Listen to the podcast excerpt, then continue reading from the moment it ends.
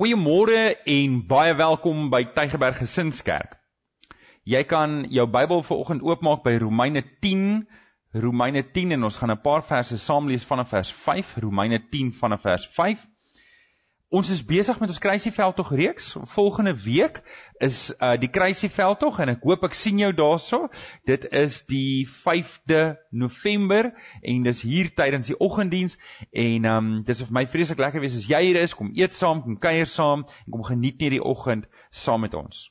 So dis Romeine 10 en ons gaan saam lees vanaf vers 5. Kom ons bid net eers saam. Vader baie dankie. Dankie Here dat U 'n God is wat omgee.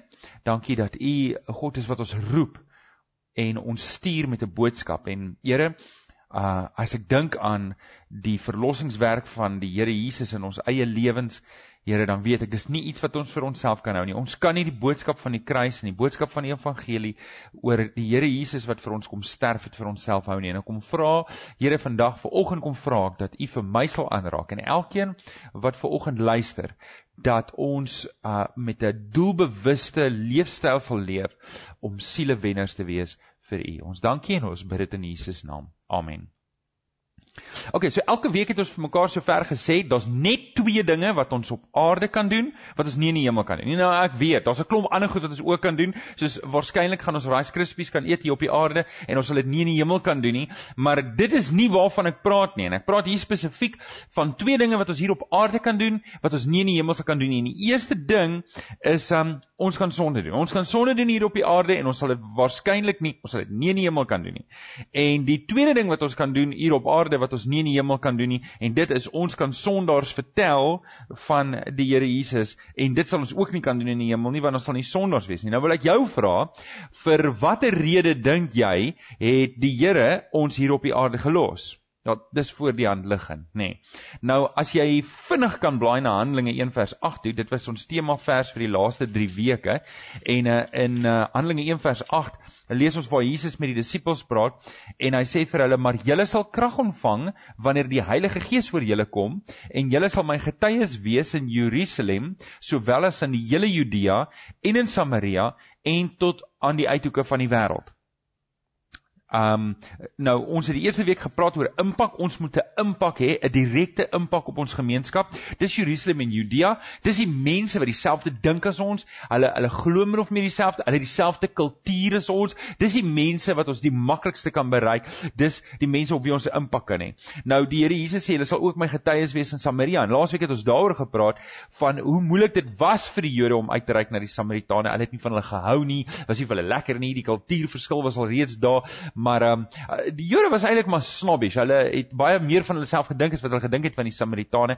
En hier roep die Here Jesus hulle ook om 'n uh, invloed te hê in, in Samaria. En sê julle gaan my getuies wees in Samaria. So julle het 'n impak op die mense direk langs julle, maar julle het ook 'n invloed in Samaria. Julle gaan invloed daar hê. En so roep die Here ons ook um, om te werk met mense met wie ons nie noodwendig natuurlik oor die weg sal kom of mee sal kon werk nie. En die Here sê, luister, jy gaan 'n invloed hê in Samaria op die mense om jou. En um, en jy kan self uitwerk wie is jou Samaria. En dan by die deeltjie wat ons vandag kom is die effek op die res van die wêreld. Ons het 'n effek op die res van die wêreld. Jesus sê, julle sal tot in die uithoeke van die wêreld sal julle my getuies wees. Julle sal vertel. So, ehm um, wat ek dink ons moet vir mekaar sê is wat ons hier doen as kerk, as gemeente van Christus, maak saak. Dit het 'n impak, dit het invloed en dit het 'n effek. Al dink ons nie so nie.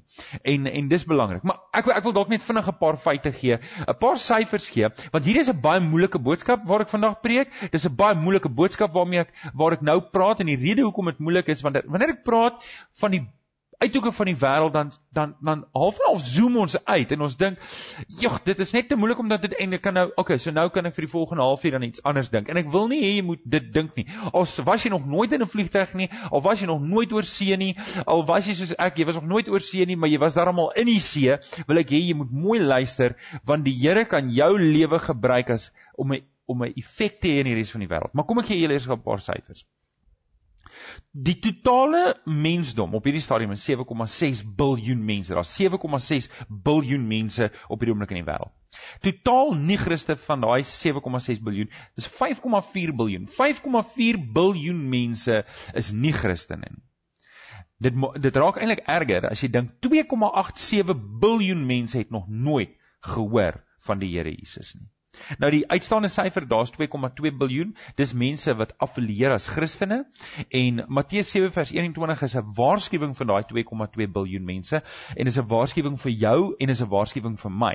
En Jesus sê, nie elkeen wat vir my sê, Here, Here, sal in die koninkryk van die hemel ingaan nie, maar net hy wat die wil doen van die van my Vader wat in die hemel is. Met ander woorde, nie nie noodwendig almal wat sê hulle is Christene is Christene. Nie almal wat sê hulle is Christene het 'n verhouding met die Here nie. So van daai 2,2 miljard mense is daar mense wat Christelik affilieer, maar dit beteken nie noodwendig hulle is Christene nie. So, okay, van daai 2,2 miljard mense is 900 000 mense protestante. So 1,2 miljard mense rowweg is katoliek um en protest uh, en en en um ortodoks. Nou, mense wat dink soos ek en jy wat evangelies van aard is, wat glo ons moet die evangelie uitdra, is daar 300 miljoen. Nou, ek wil dit net in konteks sit met Suid-Afrika. 300 miljoen mense. In Suid-Afrika is daar 55,9 miljoen rofweg. In die noordelike voorstede waar ons bly, Durbanville, Bellville en Brackenfell, die drie saam, is daar so 211 000 um mense. En dan het ons gemeente laasweek ons 400ste lidmaat opgeneem en ons het so rowweg 560 volwassenes op ons database wat ons bedien met die kinders seker so 850.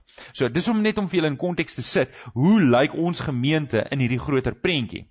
Nou soos ek reeds gesê het, hierdie is 'n moeilike boodskap want hoe wat wat kan ek doen in hierdie 5,4 miljard mense wat nie Christene is nie? Wat kan ek doen aan die 2,87 miljard mense wat nog nooit eers van Jesus gehoor het nie? Wat kan ek doen? Kan ek enigiets doen? En en en nou ek wil volgens vir jou sê ja, jy kan.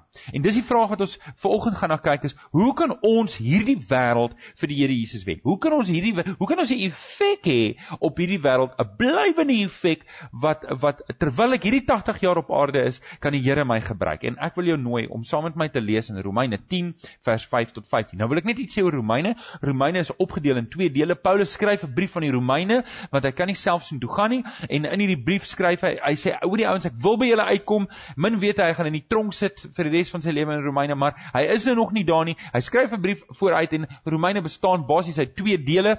Van Romeine 1 tot 11 gaan hoofsaaklik maar oor teologie en dan van daar af verder gaan dit oor praktiese sake hoe om 'n Christelike lewenswandel te leef. So ons is nie teologiese kant as ons kyk Romeine 10 vers 5 en hy praat oor die wet en hy praat oor die heidene en dis wat ek wil hê jy moet hoor. Ek wil net lees van vers 5 tot vers 15. So Moses skryf naamlik vers 5 van die vryspraak op grond van wetsonderhouding dat 'n mens wat doen wat die wet beveel daardeur sal lewe. Maar van die vryspraak deur die geloof sê hy moenie by jouself sê wie sal na die hemel toe opklim nie want dit is om Christus af te bring. Of wie sal na die onderaardse dieptes toe afdaal nie? Dit is om Christus uit die dood terug te bring.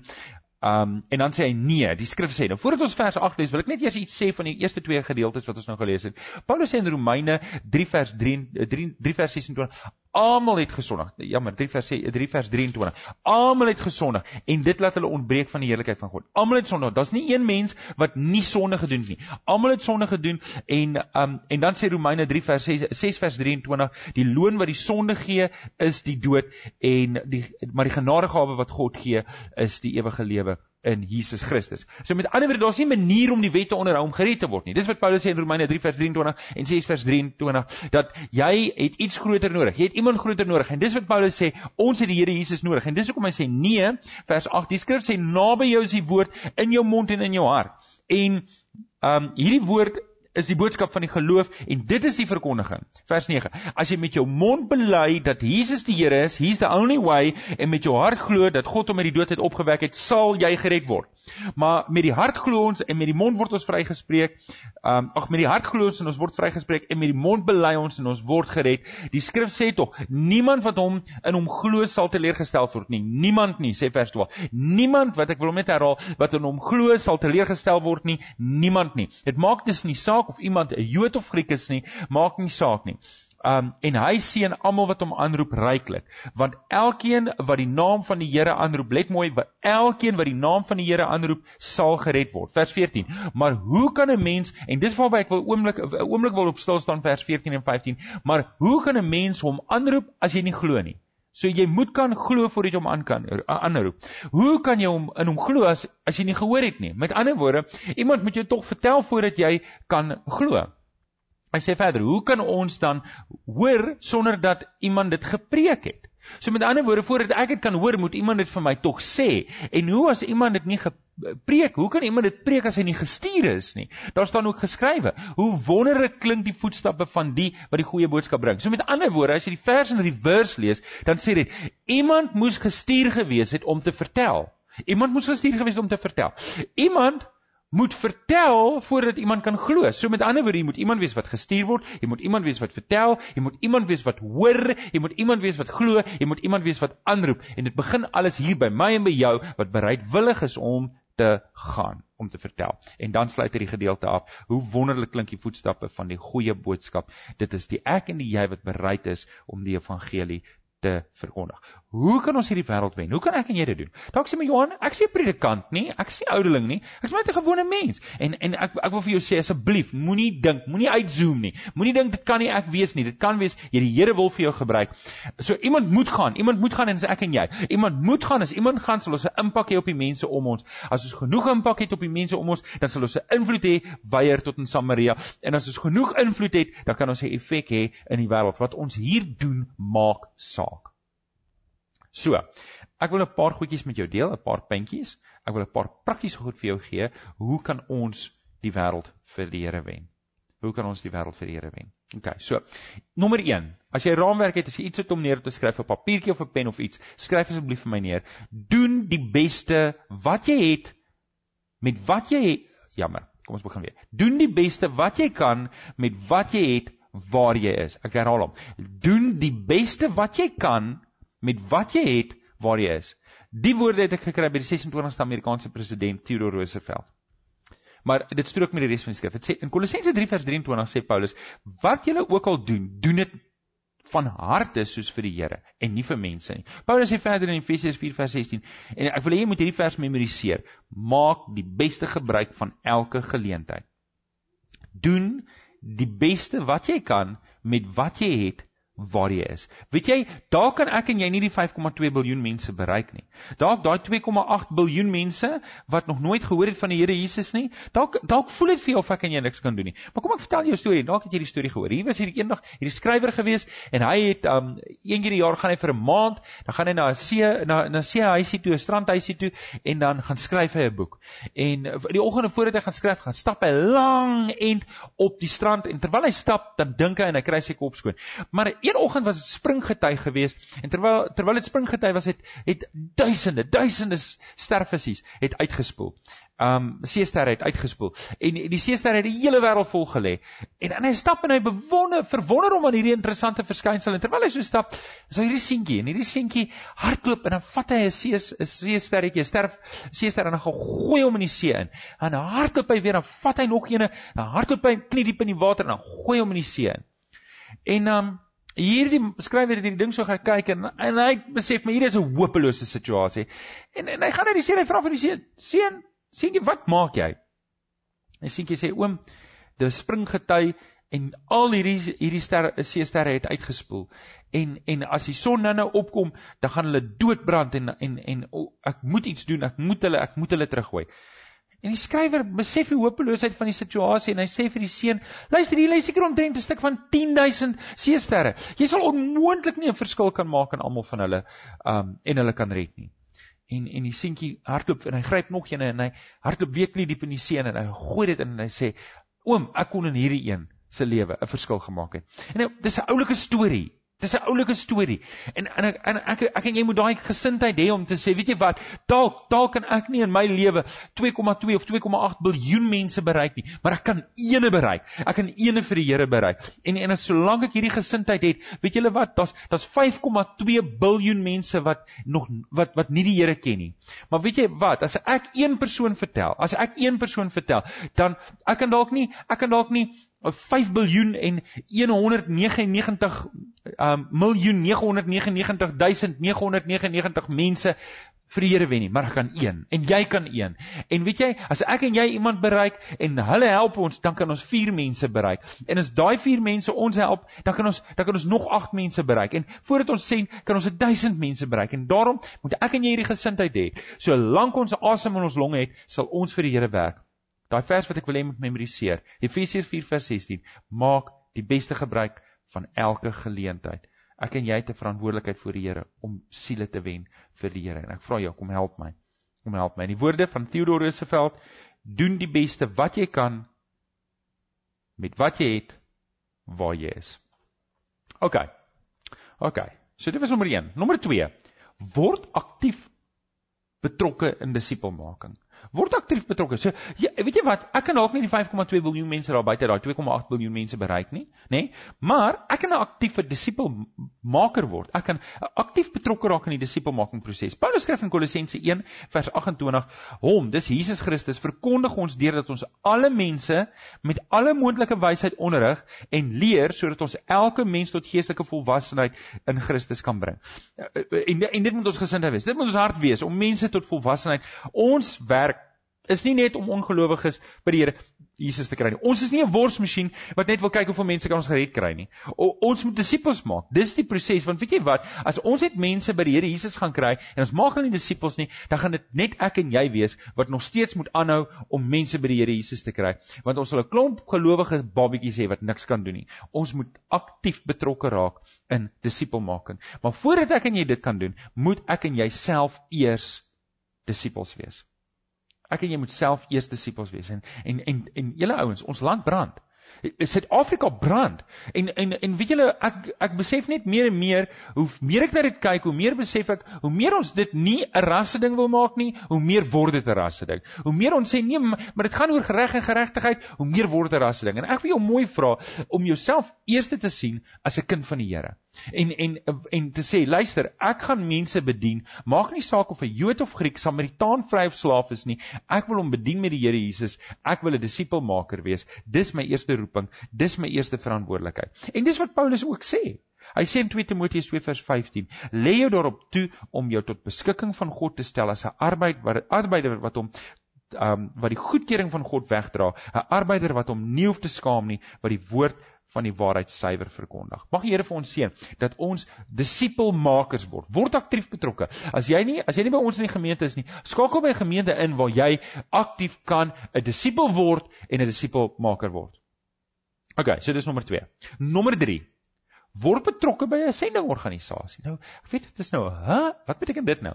Maar Paulus sê in 2 Tessalonisense 3 vers 1 sê: "Verder broers, bid vir ons sodat die woord van die Here vinnig mag versprei en oral in ere gehou mag word." Pa Paulus sê vir vir die gemeente in Tessalonisense: "Bid vir my, bid vir my."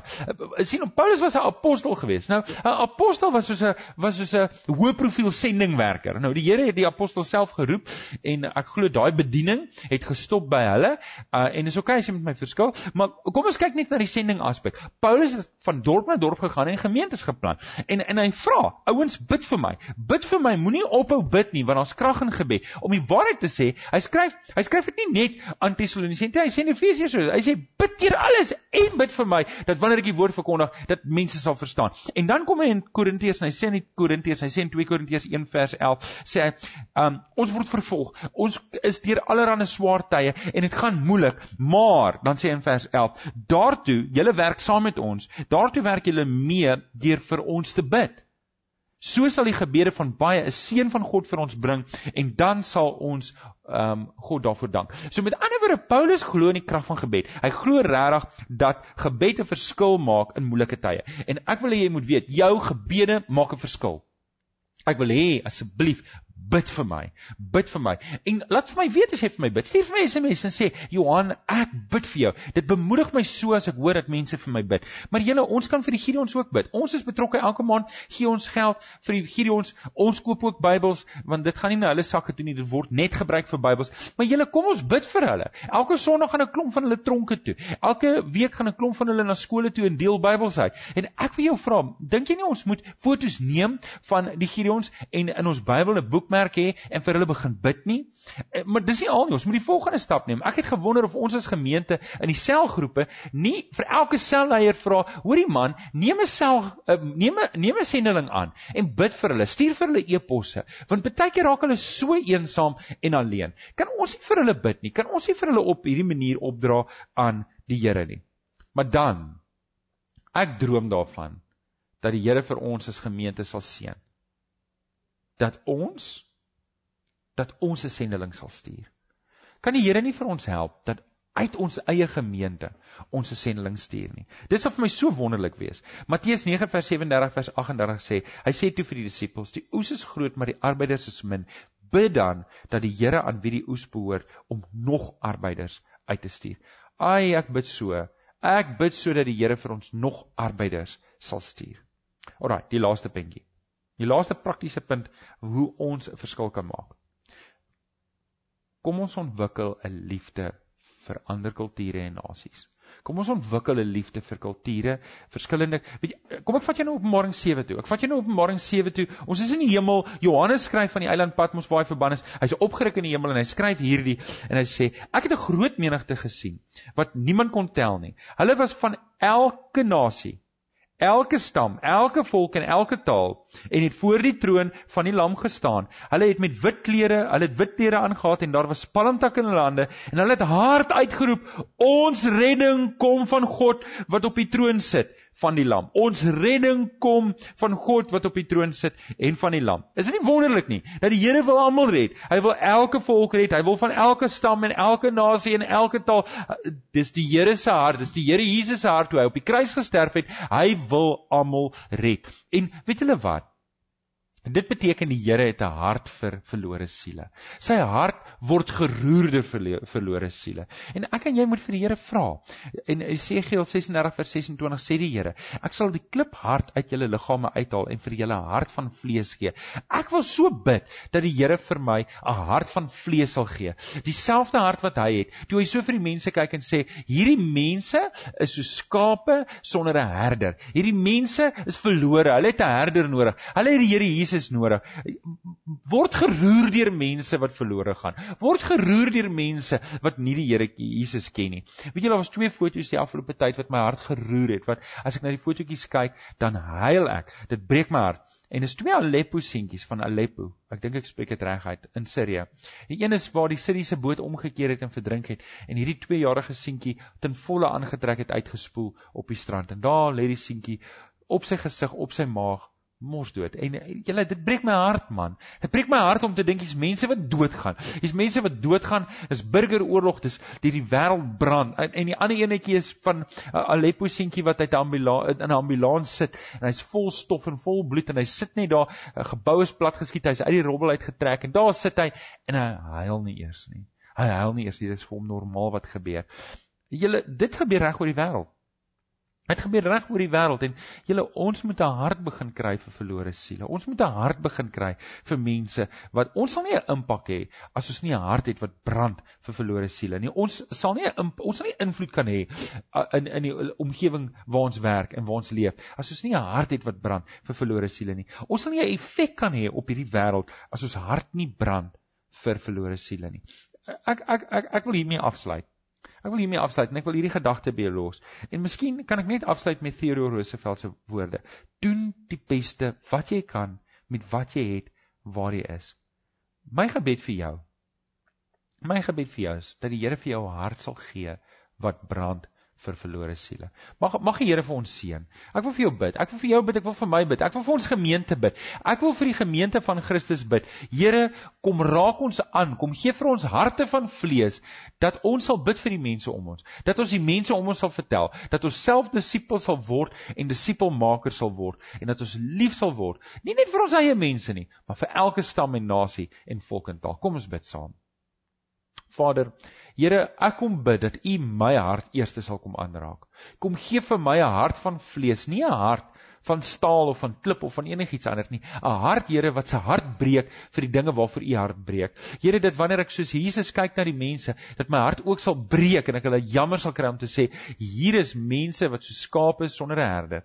Here, kom raak vir ons aan. Ons het nodig dat U vir ons die pad sal wys. Asseblief, Here. Dankie, dankie Vader, dat U vir my gered het. Here, dankie en ons kom bid. Here, kom red mense, kom verander mense. Here, kom seën ons hierdie ons. Kom seën ons sendelinge. Kom seën elkeen wat wat iewers 'n poging aanwend om die evangelie uit te dra, dat hulle vrymoedigheid sal hê dat hulle nie bang sal wees vir vol, vir vervolging nie, maar Here, dat hulle met vrymoedigheid U woord sal uitdra en na buite sal gaan en sal sê, die Here het my geroep. Die Here het my geroep. Die tyd is min.